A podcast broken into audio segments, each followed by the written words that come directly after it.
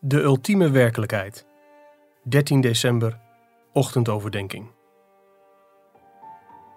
De hoofdzaak nu van de dingen waarover wij spreken is dit: Zo'n hoge priester hebben wij. Eén die zich heeft gezet aan de rechterhand van de troon van de majesteit in de hemelen. Hij is een dienaar in het heiligdom en in de ware tabernakel, die de Heere heeft opgericht en niet een mens. Deze priesters doen dienst in een afbeelding en schaduw van de hemelse dingen, overeenkomstig een aanwijzing van God die Mozes ontving bij het voltooien van de tabernakel.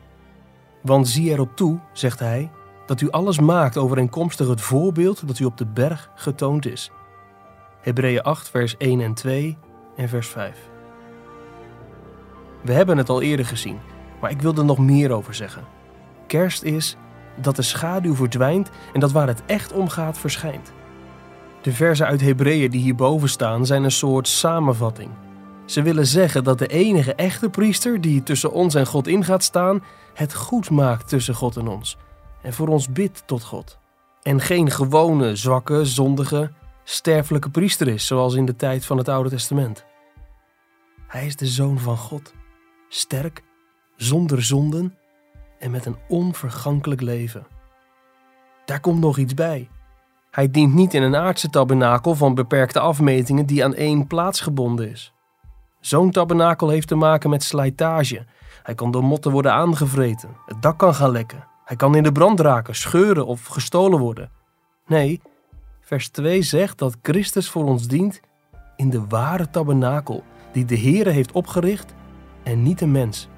Dan hebben we het dus niet meer over de schaduw. Dan gaat het over de echte tabernakel in de hemel, waarvan Mozes op de berg Sinaï de schaduw heeft gezien, als een voorbeeld voor de tabernakel die hij moest maken.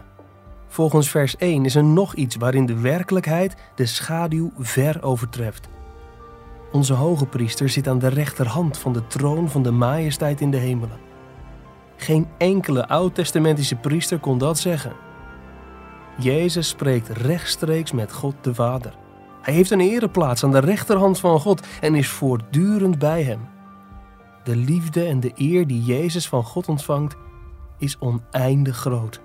Dit is niet de werkelijkheid van gordijnen, schalen, tafels, kaarsen, kleden, kwastjes, schapen, geiten en duiven. Dit is de uiteindelijke werkelijkheid, die alle schaduwen ver overstijgt.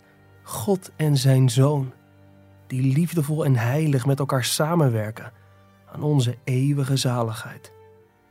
De ultieme werkelijkheid is de relatie tussen de personen in de drie-eenheid, die met elkaar samenwerken om hun majesteit, heiligheid, liefde, gerechtigheid, goedheid en waarheid tot uitdrukking te laten komen in een vrijgekocht volk.